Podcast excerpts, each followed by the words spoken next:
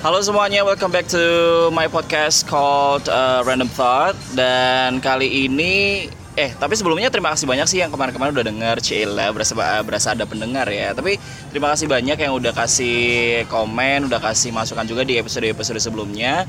Dan kali ini aku bakal ngomongin satu hal yang nggak aku banget sih. Eh, bukan nggak aku banget, tapi pernah tak alamin gitu kan. Terus aku bakal ngobrol ini sama satu orang yang sekarang lagi mengalami nih gitu. Jadi kali ini kita bakal eh, kita aku dulu sih aku dan juga satu orang tamuku yang ya not too inspiring sih actually. Tapi ya ya sudahlah. Nggak deh nggak deh nanti dia dia mutung lagi.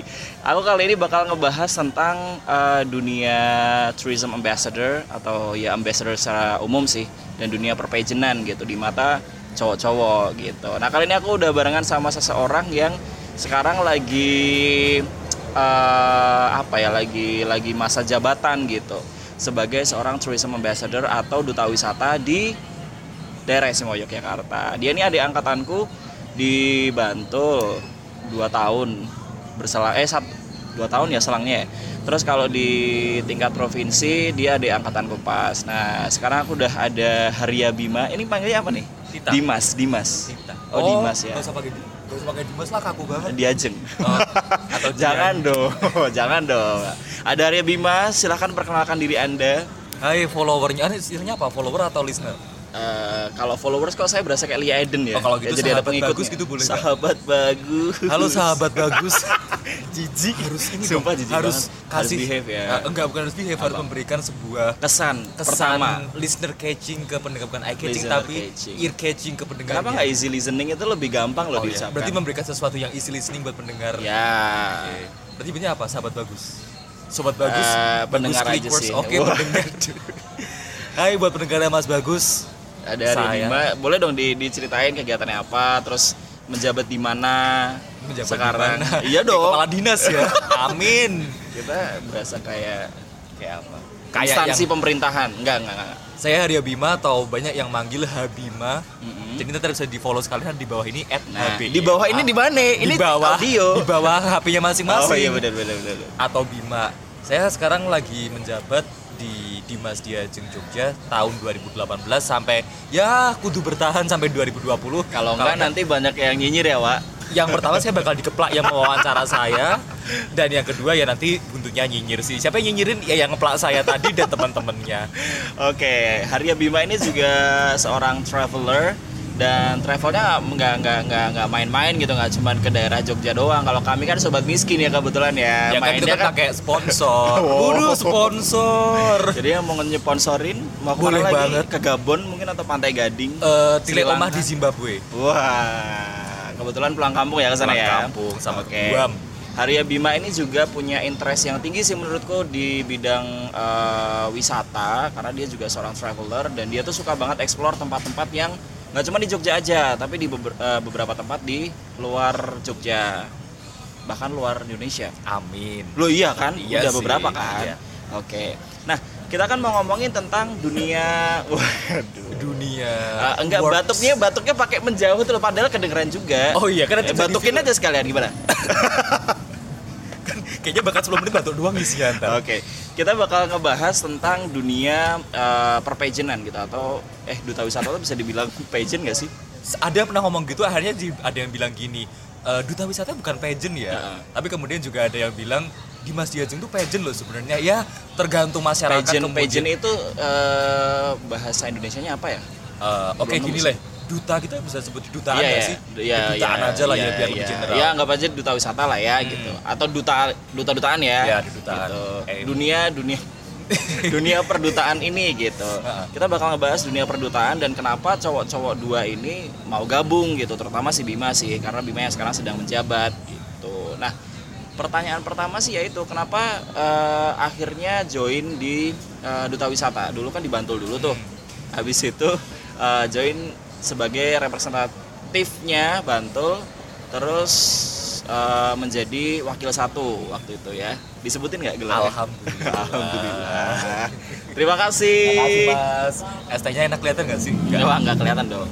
Kenapa join duta wisata waktu itu? Sebenarnya waktu itu simple banget. Hmm. Gara-gara saya, ibu saya kalau hari Minggu selalu nonton Farah Queen Masa. Oke. Terus saya waktu itu baca berita online-nya, Farah Queen lagi di New Zealand bareng keluarga. Captionnya sebagai duta wisata, ia sering ber, ia sering traveling gini gini, Ah. gini gini. Karena waktu itu saya juga lagi ngefans sama namanya Claudia Kaunang. Dia salah satu Itu apa ya traveler. Tessa Kaunang? Eh, itu tisu. Tessa kan tisu. Enggak lucu. Maaf, nggak lucu. Baik. Terus, Terus, habis itu saya semenjak Claudia Kaunang itu saya terinspirasi buat jalan-jalan terus baca artikel seorang Farah tentang Farah Queen. Oh, kalau mau jalan-jalan berarti harus jadi duta wisata ya biar bisa jalan-jalan sampai luar negeri gitu kan. Itu pemikiran bodoh waktu itu. Kemudian saya ketemu sama teman saya yang dia kuliah satu kampus sama saya. Ternyata dia seorang diajeng. Oke. Terus ngobrol-ngobrol, kamu tuh diajeng Bantul ya? Iya loh, gini gini gini. Oh, kayaknya aku tahu tuh orang itu. Cewek. Iya. Cewek Yang selalu yang selalu mah. Oke. Iya kan? Apa kita sama-sama Eh, nggak nge-follow? usah, nggak usah. Oh. Iya, sama-sama ya. Enggak tahu Nggak dia. tahu sih. Lanjut, lanjut, lanjut. Terus habis itu akhirnya eh dia bilang gini, udah lah Bim kamu join aja tuh di Mas Diajeng lumayan kok. Lagian kamu juga tinggi. Oh, emang di Mas Diajeng modelnya cuma tinggi ya? Ya. Ya, enggak sih, cuma kamu tinggi siapa tahu bisa masuk. Alhamdulillahnya kita dikasih ketinggian ya. Alhamdulillah Ketinggian tuh gimana? Ketinggian. Eh, Kita diberi berkah ah, berupa tinggi badan. Berupa tinggi badan. Yang agak Tinggi. lumayan dibanding orang-orang yang ada di sekitar kita. Ini Iya nyinyir kan? terselubung Loh, ya. Enggak nyinyir maksudnya kan kalau orang Jogja kan eh, rata-rata tingginya itu kalau buat cowok tuh 170 kan atau 165 170 lah Hmm, gitu. hmm. Kita di atas 175. Kamu berapa? 178. Nah, itu kan di atas rata-rata berarti. Iya sih. Ya nggak nyinyir dong. Oke, Berarti lanjut. oke faktanya. Terus ya udah, terus habis itu ada teman saya cowok yang juga satu satu kuliah sama saya. Hmm. Saya cerita, eh aku diceritain sama si ini nih, seriku di Mas Diajeng. Ya udah lu ikut aja. Ya. Gini gini gini oke. Kemudian ada satu teman komunitas yang dia juga cewek, satu angkatan semua mereka kebetulan bertiga itu. Oke. Udah Bim ikut aja gini gini gini. Ya udahlah daftarlah saya. Nekat Ah. dengan celana kedodoran, Oke. pakai batik yang itu kayaknya batik printing waktu itu. Maksud saya tahu batik cuma dua Iya. batik Beringharjo sama batik Emper Malioboro. Kalau aku tuh dulu taunya batik tuh cuma ada dua juga. Apa? Batik yang mahal sama batik yang murah. ya, Udah gitu itu doang. itu doang Sesimpel kan. itu. Nah, kondilelah waktu masuk tes interview ditanyain, "Tahukah kamu batik apa namanya? Tahukah kamu batik motif ini, motif ini?" Oh, ternyata batik macam-macam ya. Ya. Nah, kita balik lagi ke tadi. Ah. Saya ikutlah tes gini gini gini gini gini gini. Ya, alhamdulillah kemudian bisa sampai ke tahap ini. Jadi dari permulaan simple sih awalnya Oke, tapi waktu itu awal itu kan secara tidak sengaja. Sebenarnya aku dulu, aku juga dulu tuh nggak sengaja gitu. Aku dalam tanda kutip itu eh, setengah hati ikutnya karena waktu itu ada yang motivasi termasuk pemenang sebelumku itu kan waktu itu ketemunya secara nggak sengaja gara-gara lomba penyiar radio tuh gitu terus eh mas ikut aja ikut aja gitu itu Apaan kayaknya sih gitu boleh gak? Itu kayaknya yang ngajakin karena dia butuh peserta deh. I know that. Oke, terus habis itu akhirnya ya eh, bukan keterusan sih, cuman akhirnya juga merasa bertanggung jawab karena alhamdulillahnya sudah diberi amanah. Terus ya udah lanjut lagi sampai ke tingkat provinsi. Mungkin kamu juga ngerasain itu. Nah tapi waktu awal banget kamu daftar tuh apa sebenarnya yang dicari gitu sampai punya kemauan untuk oke, gue daftar nih gitu. Apa ya? Mungkin waktu itu aku belum terlalu berpikir oportunis, belum berpikir oportunis ya. Jadi Ah. kayak karena ada dorongan dari tiga teman saya tadi Ya. kayak yaudahlah ikut aja lah siapa tahu juga bisa nambah teman. Karena Oke. waktu itu saya semester 6 Mm-mm. saya merasa kok hidupmu cuma kayak kuliah nongkrong pulang bolos TA nongkrong gitu-gitu doang gitu kan kayaknya butuh kegiatan akhirnya udahlah ikutlah di Mas Diajem itu ikut ikut ikut Ya tapi ikut, semester 6-nya bertahan sampai sekarang ya kayaknya ya. Ah, sekarang udah semester, sekarang udah semester 11 ya Allah Oke. Oh, itu bonus Oke, itu kan berarti eh, eh, kayak pengen nambah teman, kemudian eh, pengen nambah pengalaman baru dan segala macam. Bisa Awalnya. awalnya. Nah, awalnya nih kan. awalnya Setelah berjalannya waktu terus apa yang didapetin? yang tak dapetin ternyata nggak cuma sekedar saya malah kaget ternyata di Mas Diajeng awalnya saya kira ya udah kayak cuma pemilihan kelar ya udah tapi ternyata ke- setelah masuk waktu proses pembekalan ini kan itu bakal terbentuk organisasi ketemu Hmm. sama orang dinas gini gini gini saya masih batin masa sih Hmm. tapi setelah kemudian ke grand setelah kemudian grand final nah proses dari awal sampai menuju grand final kan saya merasa dekat sama teman-teman saya Hmm. yang oh ternyata saya selama satu tahun ke depan bakal sama orang-orang ini ya bakal kerja bareng sama orang-orang ini gitu. Iya, dan mereka nggak menurut saya nggak cuma sekedar teman lagi. Mereka sama Ya. saling, saling memahami terus oh ya udah berarti kayaknya asik nih sama mereka. Ya udah jalan jalan jalan jalan dan ternyata bener saya komunikasi sama orang dinas. Mm. Waktu pemilihan kan ada namanya field program. Betul. Field program itu kita dipaksa untuk berkomunikasi dengan orang luar. Ya. Kita nggak mungkin mengandalkan orang dinas atau ya udah kita terpaksa kita kan harus cari sponsor. Mau nggak mau kita harus ketemu sama orang luar, berdiplomasi dan juga bernegosiasi. Ya ya. Ternyata itu kepake di dinas. Sama orang dinas ngobrol sama orang dinas, ketemu sama orang-orang keren. Gimana nge-treat orang-orang yang menurut kita kadang-kadang, apaan sih orang dinas kolot nih? Kita Iya. bisa tahu gitu cara Iya. nge-treat orang ya. Cara ngewong itu yang paling iya, penting. iya, iya. Karena biasanya kalau kita kalau misalnya aku ngobrol sama Mas Bagus walaupun umur kita agak jauh tapi kita kemudian kita samakan umurnya. Oh, kita berbicara dengan orang seumuran caranya kayak gini. Agak jauhnya nggak usah di-highlight dong. Oke, Bisa agak jauh. Oke. Tapi kita serasa dekat. Lu saya udah baik-baikin loh di sini. Tapi kan kalau sama orang dinas kan kita berbicara dengan orang yang jauh lebih tua. Secara jabatan, Secara jabatan. secara usia, secara pola pikir itu juga beda jauh ya. Ya, benar. Walaupun mereka dalam tanda kutip orang tua kita, tapi mereka bukan orang tua kita yang sebenarnya. Ya. Jadi kita harus benar-benar ngomongnya tuh bagaimana cara kita eh, berbicara dengan mereka dengan sopan santun, tapi tidak kaku, tidak cair dan tidak terkesan kurang ajar. Iya, iya, iya. Dan itu bukan menurutku bukan sesuatu yang bisa didapatkan di kampus, Mhm. tidak ditulis tidak ditulis dalam sebuah buku. Tapi kemudian Dimas Diajeng mengajarkan saya seperti itu dan sampai sekarang alhamdulillah eh, orang-orang des nyerah punten gak? saya agak berani kurang ajar, Iya, iya, iya. tapi kemudian alhamdulillah mereka menerima itu karena mungkin mereka menganggapnya kayak Yoki anakku Iya, gitu. iya. Ya sebenarnya sama aja dengan hubungan ibu dan anak gitu. Maksudnya bedanya adalah lingkup kerja kan Iya, ini gitu. iya. Karena buat yang belum tahu juga nih mungkin duta wisata apaan sih kerjanya cuman pajang-pajangan doang segala macam gitu. Tapi kalau di Dimas Diajeng sih kita memang dibiasakan dari awal bahkan dari awal pemilihan itu sudah hampir enam bulan sendiri ya. Dan itu kita ditreat untuk semacam nanti kalian tuh eh, jadi Dimas Diajeng itu ada kontribusinya loh gitu dengan eh, ngadain suatu event di field program kayak gitu. Terus setelah kita keluar pun juga kita bikin organisasi, kita bikin paguyuban yang istilahnya tuh juga punya program-program tertentu gitu yang eh, pengen terjun dong ke apa namanya ke masyarakat karena stigmanya orang-orang luar ya di Mas Diajeng ya cuman apaan sih cuman pajang-pajangan doang dan itu tuh ternyata dirasain sama duta wisata duta wisata lain gitu nggak cuma dari Jogja aja. Bener. Oke, berarti salah satu hal yang sudah didapat adalah tentang how to treat people gitu Iya. dengan berbagai karakter itu ya. Dan Apalagi kedua, Hmm? Lamis. Lamis tuh bener loh. Lamis apa coba? Lamis itu bukannya kayak uh bau ikan nih lamis itu lamis. amis. Oh, ya, maaf, maaf. Amis itu yang buat Ya udah nggak usah lanjutin usah. Lamis. Lamis gimana sih nerjemahin Indonesia? Peres kali ya? Enggak. Eh, Peres in itu a kan- good way.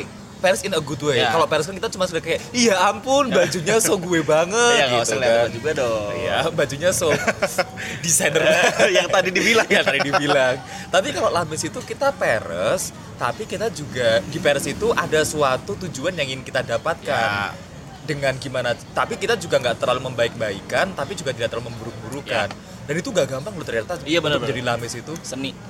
Ya ini bukan kita mengajak, meng, apa kita bukannya bilang Dimas Diajeng membawakan buat Lamis. Kalau Lamisnya positif kenapa enggak? Iya karena eh, ketika kita katakanlah nih kita eh, itu kan Lamis itu juga butuh skill komunikasi yang baik Iya, ya, public iya. speaking yang baik juga gitu. Kita ketemu sama orang nih katakanlah dinas dari mana gitu atau kita ketemu tamu dari luar negeri katakanlah gitu. Kita nggak mungkin dong diem-dieman gitu. Iya, Dan iya. Lamis itu salah satu skill yang memang harus dipunya ketika katakanlah kita ketemu sama orang baru dan kita pengen ngegali nih obrolan Hmm. apa sih gitu. Nah, kita menciptakan topik-topik itu tuh dengan Lamis Betul, gitu. betul. Atau contohnya kayak misalnya ketemu gitu, ya ampun, itu baju batiknya dari pasti dari negara kamu ya bagus ya. Negara gini." kamu, Siapa tahu ada baik. negara khas London, batik khas London gitu kan.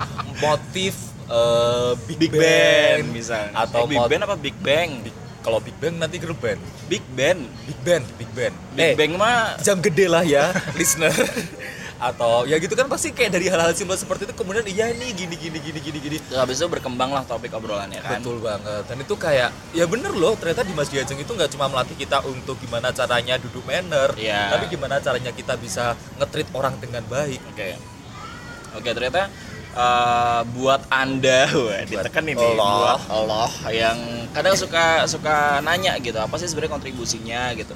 Ya way more than kita dipajang, kemudian kita cantik-cantikan, ganteng-gantengan walaupun kita juga nggak ganteng ya kayaknya. Iya, kita coba Biasa kalau ada aja. kameranya kayak kayaknya kan kayaknya kan di channel aja deh kalau Ah, iya, bener-bener. Makanya ini kan kelebihan podcast kan ini. Nah, dia nggak kelihatan mukanya. Oke, tapi kalau jadi youtuber nggak bisa digabunglah podcast. Iya loh, iya lumayan loh. Oke, kalau ngebahas tentang dunia perpagenan nih, selain stigma bahwa eh uh, duta wisata dan juga dunia pageant itu kan eh, cuman dipajang-pajang terus tujuannya nggak jelas kontribusinya nggak jelas gitu.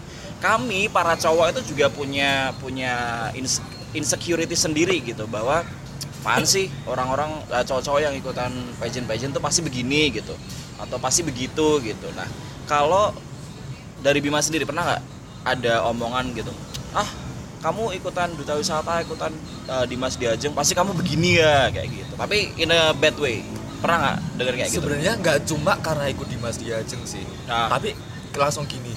Eh, kamu kok sekarang perawatan sih? oke Eh, kok kamu sekarang itu bersihin perawatan ya? Ih, kok kulitmu sekarang lebih halusan gitu? Kan pasti perawatan ya. Iya nih semenjak ikut Dimas Diajeng jadi perawatan mulu. Ada yang bilang kayak gitu Iya, juga gitu kayak, men itu kemudian kenapa mengarahnya ke situ saya nggak tahu apakah stigma dunia kedutaan itu pada endingnya adalah lenggak-lenggok di atas panggung lenggak lenggok baik Loh, ibu saya tuh gini dulu ada cerita menarik nih. Jadi Oke, oke. aku sebelum ikut Dimas saya sebelum ikut Dimas Diajeng ikut Hmm. komunitas lingkungan namanya Kopi. kopi tahu Terus udah waktu saya masukin berkas, saya baru bilang ke ibu, "Bu, aku ikut Dimas Diajeng." Ah. Loh, ngapain ikut Dimas Diajeng? Ya nggak apa-apa toh. Loh, kan kemarin tuh udah bagus loh ikut komunitas lingkungan gitu. Hmm. Lah kok sekarang ikut apa namanya? Ikut kok eh, bukan saya apa sekarang lah kok sekarang malah ikut nganu kontes lenggak-lenggok Kontes lenggak lenggak-lenggok. itu orang ibu saya Ya, pada ya, ya. mikirnya awalnya mikirnya kayak gitu juga berarti kan mungkin oh dari orang terdekat saya aja mengambil simpelnya seperti itu Iya, iya, iya, iya. karena mungkin menurut mereka cowok yang ikut ikut yang mungkin tujuannya adalah supaya bisa matching di atas panggung atau lenggak-lenggok adalah arahnya ke situ Ya. padahal enggak men padahal kita kalau disuruh catwalk juga Iya kayak begitu. Nggak nah bisa. di Dimas Jazeng itu ada dua. Kita kita pasti memberdayakan dua. Yang bisa kita tampil di depan, Hmm. Betul. sama yang sedia deprok di belakang, usung-usung kursi, snack atau Bentar. gocai backdrop. bentar depro itu bahasa Indonesia apa ya Deprok itu Eh. lenggah di bawah tanpa alas kaki. nah nah maksudnya kayak eh, ngegembel aja gitu Ngegembel aja. karena pendengarku itu mungkin nggak cuma dari Jawa aja gitu Oh. ada yang Oh, dari internasional. Pantai Gading Oh, Pantai Gading. ada yang dari Kazakhstan Kazakhstan tahun deprok berarti. tahu Oh. harusnya gitu jadi harus dijelasin dulu Oke, Depro is lingguh di bawah tanpa alas gitu ya. Tapi bener nggak? Iya, bener, bener, Pada bener, satu bener. saat kita kudu jongkok gara-gara Iya, iya. ngutek-ngutek musik yang nggak ada kursinya. dan nggak semua orang bisa kayak gitu gitu maksudnya Iya. eh, akan ada ya benar ada dua tipe orang orang yang sebenarnya tiga sih Apa? dua atau satu yang mau di belakang eh, mau gembel-gembelan mau eh, kuyu-kuyuan maksudnya kayak Yang mukanya letek-letekan gitu. Kita bahkan ganti sadap nggak kotor-kotoran sempat, ah, gitu terus ada yang maunya eh, ditampilin tapi kita nggak bisa nyalain itu gitu Iya. dan yang ketiga adalah orang yang nggak pernah mau kelihatan itu ada juga itu berarti ini dong dia kayak dia orangnya tuh nggak mau kelihatan ria. Iya bener Jadi kayak- dia nggak mau kelihatan kalau dia tuh mampu gitu iya, jadi kayak cukup aku di rumah aja. iya iya Nge-like fotonya itu udah kontribusi. Tapi gimana pun apa pun kondisi ketiga itu itu mereka keluarga kita semua dan kita Iya, benar, membutuhkan sih. dan kita nggak bisa nyamaratain apa ya nggak bisa nyamaratain persepsi eh bukan persepsi nggak bisa nyamaratain kesibukan orang Iya. nggak bisa nyamaratain interestnya orang nggak bisa nyamaratain fokusnya ke mana itu nggak bisa nyamaratain gitu. Eh kalau mau minum boleh loh silakan loh. Tadi udah kayak mau berhenti habis gitu. Jadi uh, way more than that sih sebenarnya yang uh, kita omongin hari ini gitu. Nah kalau stigma tadi kan berarti semacam uh, dapat omongan eh perawatan ya sekarang oh semenjak ikut Dimas Diajeng apa segala macam. Dan apalagi uh, ibu sendiri itu bukan Sempat, ngasih ya. stigma negatif sih sebenarnya. Cuman Sempat yang ada di uh, pikirannya mungkin orang yang belum tahu adalah ya duta wisata kontes lenggak-lenggok kayak gitu. Tapi setelah sampai sekarang nih udah hampir tiga eh dua tahun ya dua tahunan ya 2016. dua tahunan berarti ya gila dua tahunan di dunia duta wisata masih masih dapat stigma stigma kayak gitu nggak yang paling penting dari orang tua aku sendiri alhamdulillah udah enggak ya. Oke. Terus kalau lama-lama kayak mereka berpikirannya kayak oh Bima sibuk di Dimas Diajeng itu berarti sibuk organisasi. ya Karena yang hanya kemudian mereka lama-lama tahu dari updatean kita, Hmm. updatean saya rapat atau ngekru di belakang panggung atau mungkin kalau nugas ya itu bonus lah ya pasti ada. official Official. karena kita orang-orang yang suka official ya Iya, ya iya bener. Karena percayalah nyanggul itu asik. eh bener loh bener loh Bener kan? bener bener, bener. belum pernah ngerasain kan yang disanggul mau nangis gara-gara kepalanya kayak kayak Squidward itu pernah kejadian dan satu privilege lagi kalau Dimas itu bisa nyanggul dan bisa makein Hmm. Itu kayak ya siapa tahu nanti dalam waktu beberapa tahun lagi kita bisa bisa jadi MUA bisa buka salon. Nanti Bima Collection. Kalau anak-anak nyebutnya kan aku nah di Bantul tuh saya punya sahabat juga namanya Amel. Kita berdua sering jadi babu. Dalam hal apa namanya dandani. Mereka nyebutnya Bimel Paes. Bimel guys ya, ya. Amel hai. Hai, semoga join denger ya. besok join di podcastku ya selanjutnya. Karena sekarang lagi KKN, KKN KKN. besok berangkat dia. Iya benar benar benar. Nah, stigma-stigma negatif itu kan pada akhirnya eh, mental sendiri gara-gara eh, postingan-postingan kita nih. Iya, Maksudnya yang iya. kita sibuk rapat apa segala macam. Dan akhirnya juga orang-orang terdekat aja sih gitu, mental aja gitu omong-omongnya kayak oh ternyata nggak cuman itu doang ya gitu, nggak cuman pejeng pej- eh, pajang-pajangan, nggak cuman mejeng-mejeng dan segala macam. Cuman kalau untuk masalah ngomongin perawatan nih kan pasti ad- kan ada tuh yang wah sekarang kalau jadi Dimas Diajeng agak gantengan nih atau agak agak bersihan gitu. Emang sepenting itukah grooming jadi seorang Dimas? lama kelamaan kita berpikirnya bukan hanya seorang Dimas Ah, ah. tapi membawa diri kita menjadi lebih baik lagi Oke. dulu waktu aku datang di Dimas Diajeng Bantul itu rambutku masih keriting Oh iya. rambut keriting kemudian juga sekarang ribu. sekarang oh, gimbal malah kita besok ke dia yang diguntingin Mbak Surip dong. Eh, alhamdulillah. Alhamdulillah sih.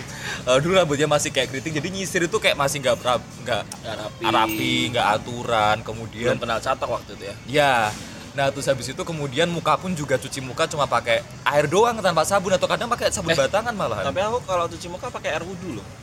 Supaya lebih mengkilat gitu. Tapi air wudhunya pakai lumpur lapindo, makanya agak Oh agak Gak usah body shaming, gak usah body Oke, shaming. Oke, Ntar lanjut. ntar kena pasal. Yang mulai siapa sih? terus habis terus itu lama awalnya ya udah kayak gitu. Terus lama kelamaan kemudian saya kenal sama orang yang membawa Mas saya Bagus tadi oh gitu. orang itu yang mengenalkan catokan dia pernah catokan dia Oke. bilang rambutmu tuh bisa loh diginin rambut kita tuh Ya, ya. sama. Akhirnya akhirnya rambutku ditata dicatok digini gini gini gitu jadi bagus ya. Ya. Semenjak itu kan gitu, oh rambut aku bakal kelihatan bagus seperti ini Hmm. saya kelihatan lebih cakep menurut saya sendiri kalau dalam setidaknya posisi- menurut sendiri ya Iya bener kalau kita menurut kita udah, udah menurut kita cakep kan kita pede jalan iya bener bener bener bener. Orang lain bilang apa ya udahlah Ya udah, gitu kan. terserah. Hmm. Terus kayaknya lebih better. Nah semenjak itu saya berpikiran oh saya kayaknya butuh catok deh. Hmm. Terserah ntar sih pendengar bilang ih masnya catokan percayalah itu kalau apa pun demi membuat kita menjadi lebih baik ya kenapa tidak. Oke. Sama halnya kayak cewek, cewek itu tahu pakai high heel sakit, Iya. tapi dia pede menggunakan high heel tetap dipakai aja. Iya, benar, benar, Cowok pun juga cowok saya menyadari pakai catok itu ribet atau bukan Ah. cowok banget tapi menurut saya apa itu membuat saya better kenapa enggak Nah ini ngomongin tentang better atau tidaknya ini kan sebetulnya eh, dari segi fisik ya. Dan gini, kenapa sampai akhirnya eh, orang-orang di duta wisata itu berani untuk ngambil keputusan oke aku akan belajar nyatok nih terutama cowok gitu. Oke aku akan belajar gimana caranya pakai foundation gitu. Atau aku belajar gimana caranya pakai gincu atau pakai lipen stick gitu.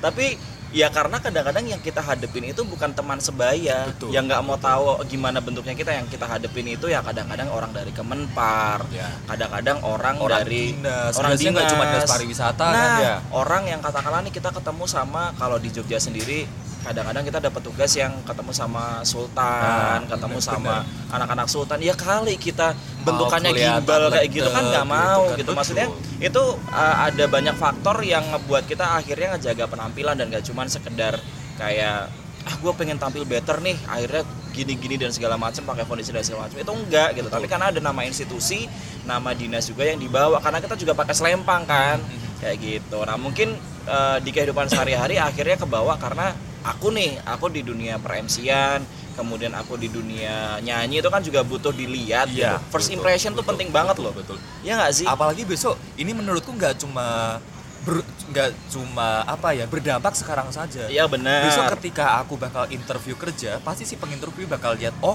orang ini memperhatikan penampilannya Benar, sendiri. benar, dia tipikal orang rapi.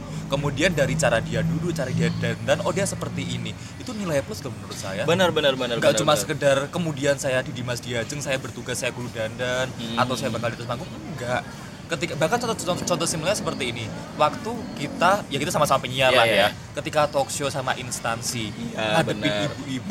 Bayangin kalau penampilan kita acak-acakan pasti orang dinasti juga bakal iya sih, gitu. penyiarnya kok berantakan banget. Tapi kalau kita memperhatikan penampilan kita ngetil mereka dengan baik percayalah mereka bakal betah juga. Dan itu gini loh first impression itu kan penting gitu. Karena pertama kali mereka ngelihat dan 10 kalau aku sih 10 beberapa detik pertama itu yang menentukan obrolan ke depan tuh bakal asik atau enggak. Iya, betul. Jadi kalau kita udah udah males, bukan masalah apa ya, bukan masalah karakter kita yang nyolot dan segala macam ya. Dari tampilan aja Iya. kita berdirinya gimana, terus rambutnya gimana, kita pakai baju apa itu orang tuh pasti akan tertarik gitu. Betul, Kalau betul. kita asa acak kadut, asal-asalan, ya nggak bakal ada orang yang tertarik gitu. atau juga mungkin kita bisa melihat gini oh dia penampilannya acak-acakan. Berarti dia jangan tak ajak bercandaan yang kaku atau Iya, yang iya, apa. iya, iya, iya. oh dia orangnya seperti ini tapi dari cara dia seperti ini oh dia orangnya cair atau gimana? Ya dan jadi Dimas itu kan tidak melulu soal eh, dan juga Diajeng sih tidak melulu soal inner beauty gitu.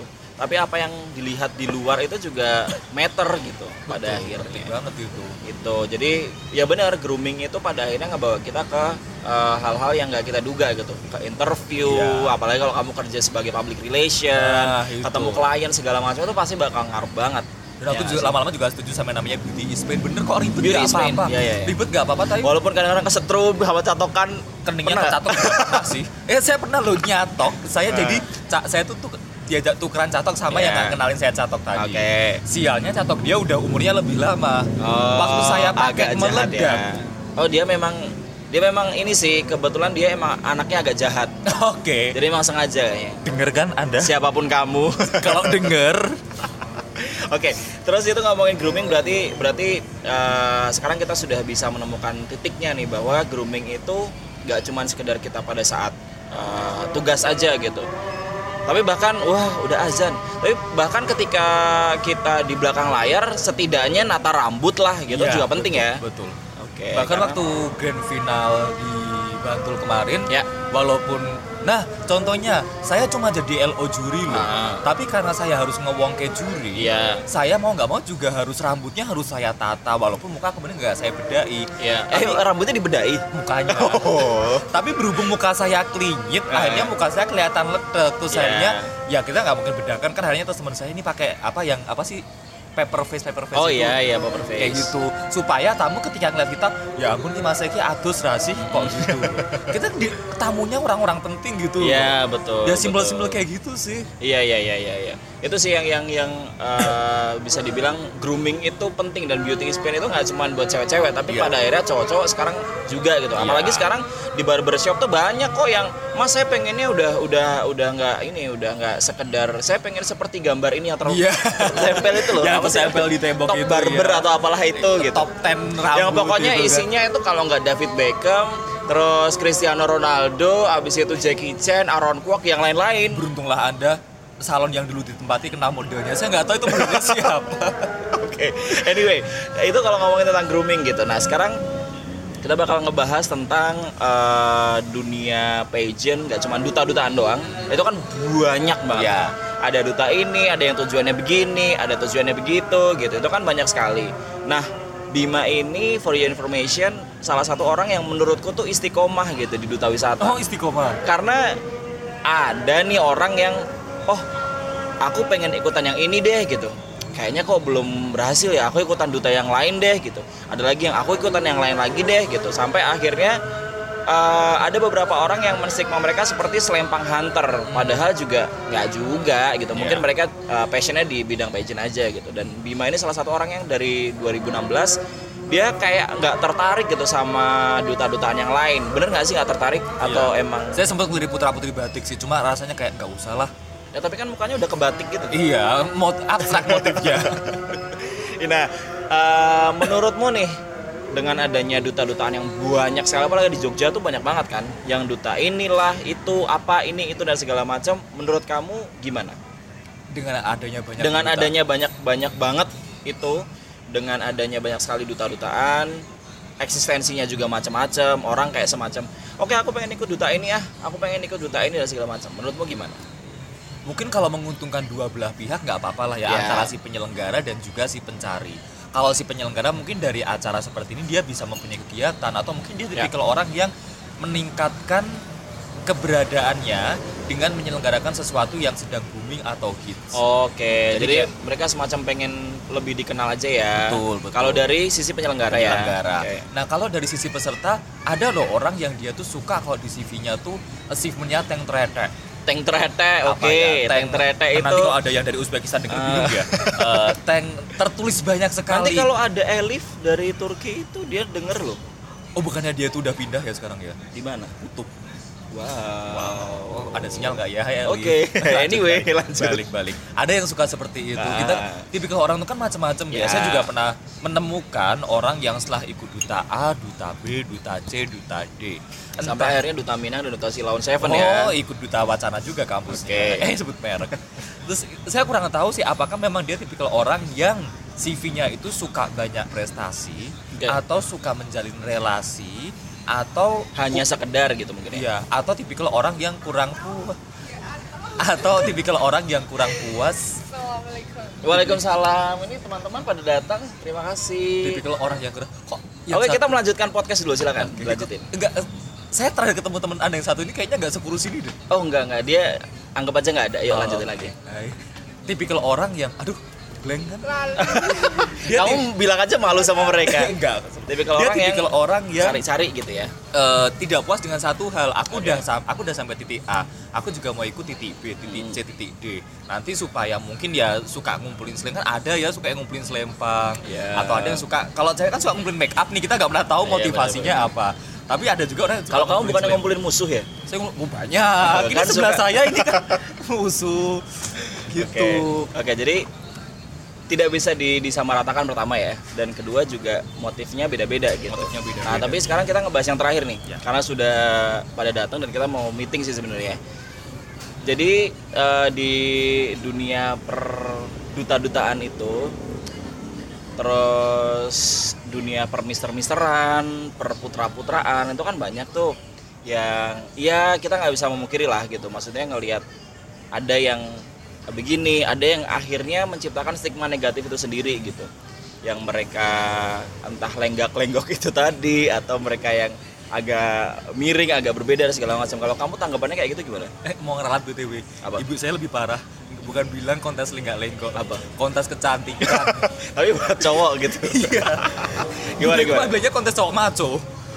Ya walaupun maco orang-orang tuh beda-beda ya. Iya, ini perutnya maco nih. apa tuh? Perutnya maco. Oh ya maco ya, oke. Nggak kelihatan juga sih kamu Nggak kelihatan. tepuk-tepuk perut Oh, ya. iya. Oke, gimana Tadi tanggapannya? pertanyaannya gimana sih BTW? ala ala Oke. ala ala instansi. Enggak enggak maksudnya eh, gini apa namanya kalau kalau dunia perpejinan terutama buat cowok-cowok kan Mister putra-putraan tuh ada nih yang nganggep bahwa ah, itu paling nggak cowok asli nggak maco asli apa segala macam. Kalau kamu gimana menurut? Kalau menurutku ini sih ya karena tadi masyarakat udah tertanam sama stigma bahwa yang ikut begituan tuh ada ke arah ke situ. Padahal nggak juga. ya. Padahal ya belum tentu. Ada yang memang tujuannya. Walaupun ada ya, walaupun kita nggak kita nggak memungkiri dan kita nggak munafik, walaupun ada yang seperti itu. Ya let's say like that. Iya kan, kita nggak munafik kan, maksudnya Fine. ada gitu. Ya. Tapi ya tolong jangan disamaratakan. Kemudian gitu. jangan terus jangan dijudge seperti itu. Itu kan mengikuti seperti itu bukan setelah ikut dan Ya. kena dampak itu. Tapi ya entah karena memang sebenarnya seperti itu. Ya, ya. Aduh, terlalu banyak bahasa Inggris sensitif topiknya. Ter KPI ya nggak apa-apa, eh, KPI yang dengerin di sape. Lu siapa tahu ada Bapak Kepala KPI. Wow, halo Pak.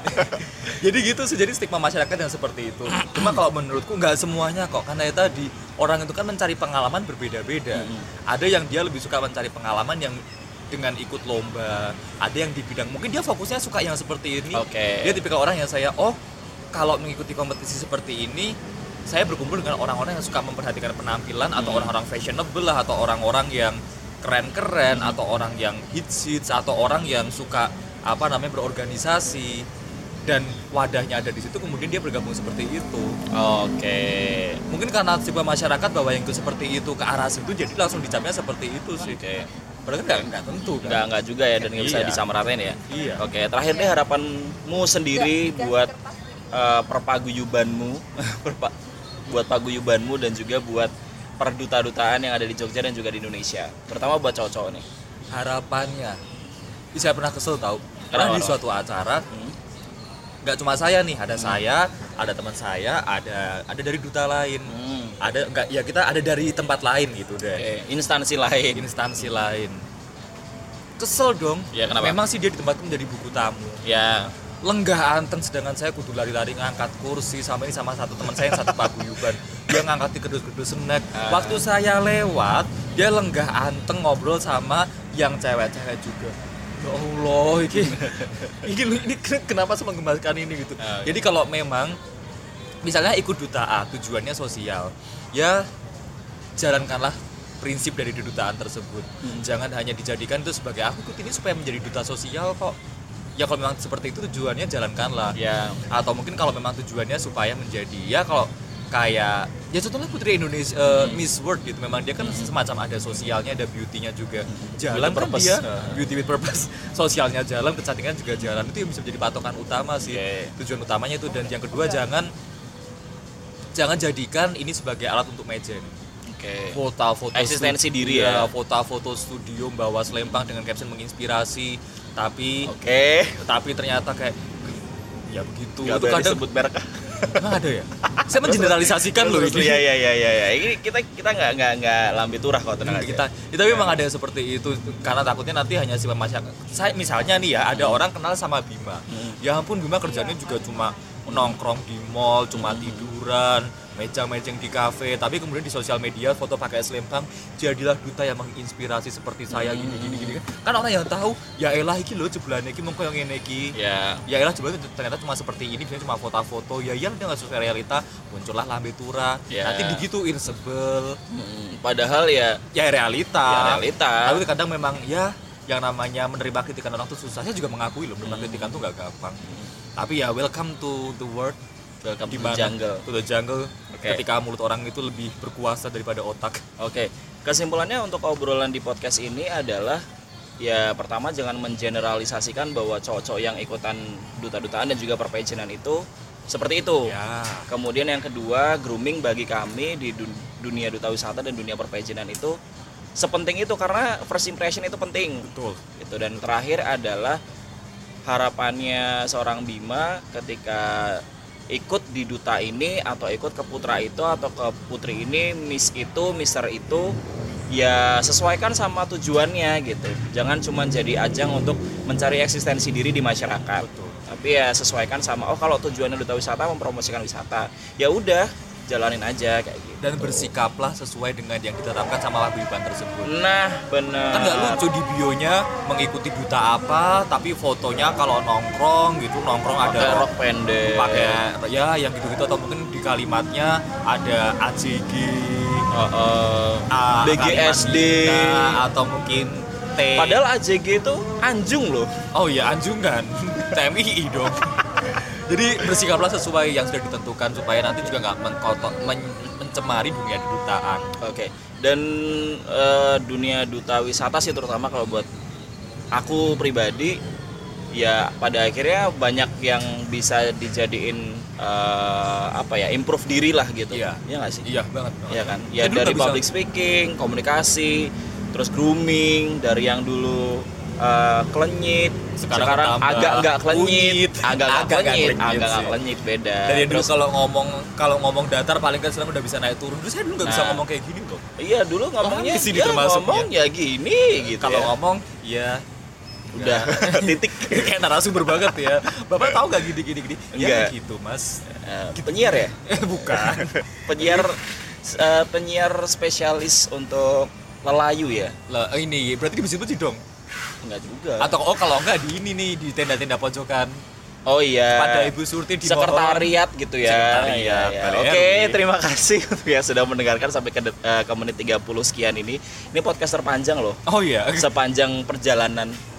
kan kan cuma ini ketiga jadi belum Eh, panjang-panjang enggak ketiga banget. tahu. keberapa Lupa. ya segitu pokoknya ya segitu pokoknya. Jangan lupa kalau eh, apa namanya punya ide atau punya pemikiran yang lain silahkan langsung aja kamu ke Instagram @aryabagus underscore s atau ke Instagramnya Bima di @habima H atau WordPress I eh, M A WordPress atau blog Iya, ya? habimawordpress.com karena bentar lagi bakal ada cerita gimana susahnya ngantri tiket ke Pulau Seribu. Yeay. Bisa-bisaan sama preman. Jadi Bima ini juga seorang blogger gitu suka review-review tempat-tempat wisata. Jadi bolehlah di follow Nggak Instagram. review tempat wisata sih lebih kayak gimana mirisnya perjalanan saya. Oh jadi sisi sisi yang lain sisi ya. darknya nggak Oke. seindah foto Instagram. Oke terima kasih buat yang sudah Bye. mendengarkan. Sampai jumpa di podcast selanjutnya. Nah, Goodbye. ini kameranya nggak kayak vlog. Oh jangan dong kan di mikrofon. Oh iya. Bye.